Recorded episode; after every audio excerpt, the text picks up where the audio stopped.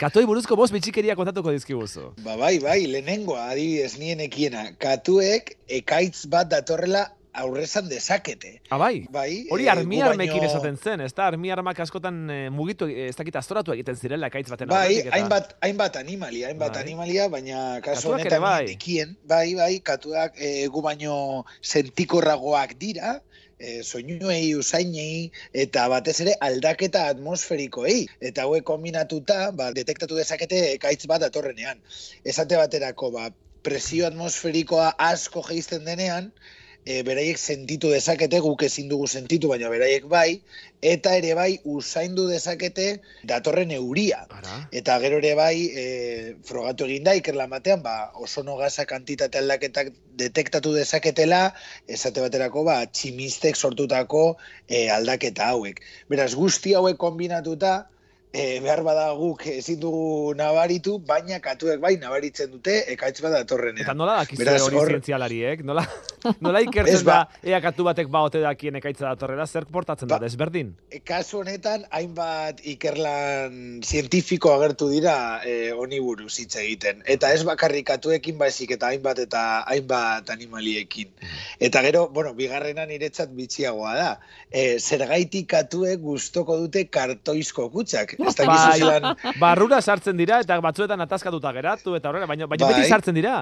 E, kartezko Bai. kaxa bat ikusi orduko, pum, barrura. Ba, Zergatik? bai, ba, hiru, hiru arrazoi daude horretarako. Bueno, kontua da, e, oso gustoko dutela lo egitea, ama sortzi ordu egiten dute lo. Bai, alpersia mara dira, eh, eh. Uh, bakartiak dira ere bai, eta beraz, ba, lehenengo arrazoia Barkatu, da... esan duzu, eh, egunean emezortzi ordu lo egiten dituztela? Emezortzi bai, hori da, hori da maksimoa. Ama sortzi ordu egin, ditu, egin aldituztelo, Eh, bai.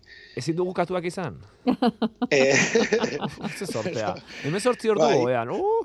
bai, ba, ba, beitu, ni, ni, ni aldrebes, eh? Ni, nik egiten dut lo egin behar delako, bestela a- aktibo 24-7 ongo nintzen. Baina, bueno, kontua da, amazortzi ordu egin aldituztela lo, bakartiak direla, eta beraientzako kutsak ba, babeslekuak dira. Ba, pentsatu, ez, hobeto zaudelo egiten babesleku batean, eta ez, e, ba, zelai baten erdian. Bai, arrapakariek Eh, arrapa a- zaitzaketelako. Bai, baina hori, eske oso interesgarria da, ba, lehenengo arrazoia arrapakariak ekiditeko, baina eske beraiek ere bai erabiltzen dute kutsak sorpresa elementua bezala eiztatzeko. Gero hitz egingo dugu eh, honi buruz ze iztari onak diren, baina beraiek ere bai erabiltzen dute sorpresa elementu elementua bezala. Eh, gordeleku eh, bezala, espazio hori. eskutaleku bezala, pum, bapatean Hori da, azaltzeko eta... iz- horrela da, vale, horrela da. Eta gero Parapeto hirugarrenik hori da. Eta hirugarrenik hotza ekiditeko. Ba, kutsa barruan temperatura pixkat altoagoa izan daiteke, ba, e, zoruan baino, esate baterako, e, isolatzailea delako, e, kaso honetan ba, kar- kartoizko kutsa bat, eta horregatik, beraz, babesteko, eiztatzeko eta hotza ekiditeko. Hiru arrazoi horrengatik gustoko dute kutsak. Gero, hirugarren ikerlan bat. E, hau, e, honegatik, honegatik ekarri dut ba, ze benetan harrigarria topatu dut.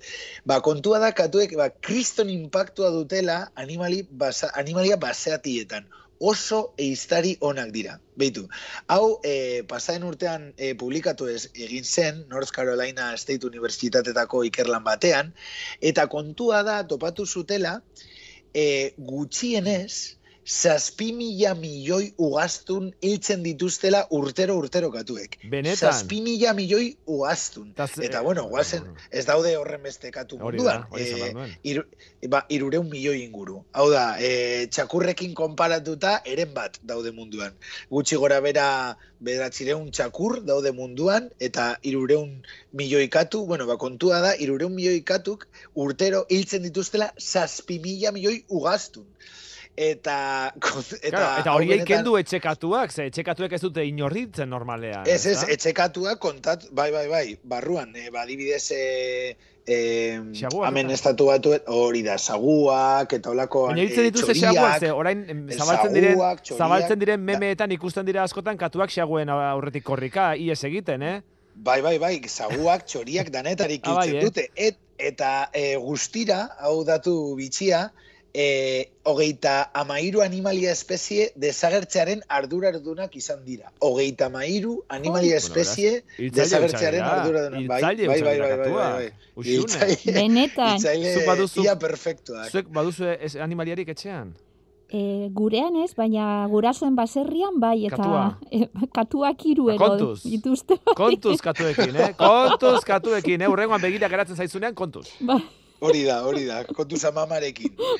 Eta, eta bueno, zergaitik dira hain estari honek, ba, ora, laugarren ikerlan hau, e, bueno, ba, e, arrazoi asko daude, baina arrazoi bitxiena niretzat da katuen bibotea datik. Bueno, kontua da, por cierto, katuen bibotea, medias, bakarri dauzkate, e, hogeita lau hile. E, katuen biboteak, hogeita lau, Bai, esaten dute, medias. etzaiela moztu behar inolaz ere bibote hori. Hori katu jabe askok ere. esaten didate, eh?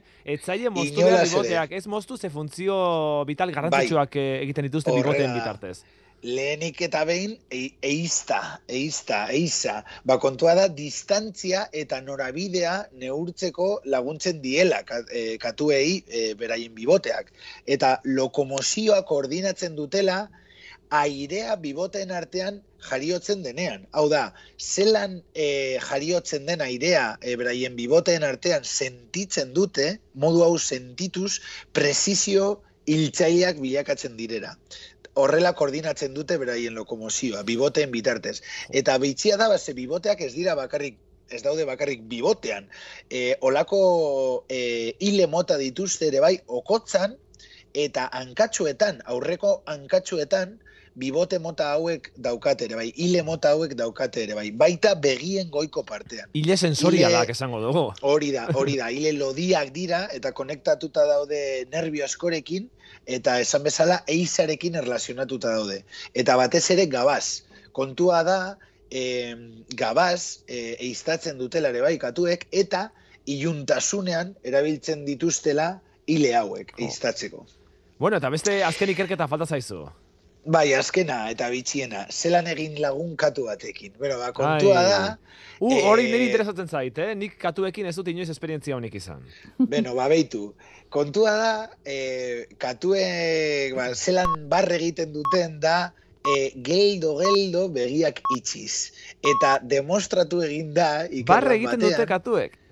Horrela, ba, baina barre egiten dute begiak oso geldo itxiz. Orduan, zuk berdina egiten baduzun, begiratzen baduzun katu bat, eta oso era geldoan izten badituzun zure begiak, ba katuak e, e, irribarre bat bezala sentitzen duela, eta komunikazioa hobetu egiten da. Ba, hemendik aurrera Eta- katu bat ikusten dudanean, geldo-geldo begiak itxi eta, eta ea, Horrela berak ere horrelako Ze- zerbait egiten duen. Segundu batzuk ematen badituzun, begiak itxiz, e, askotan, beraiek ere bai, erantzuten dute horrela. Beraien begiak itxiz, e, geldo, geldo. Beraz, ba.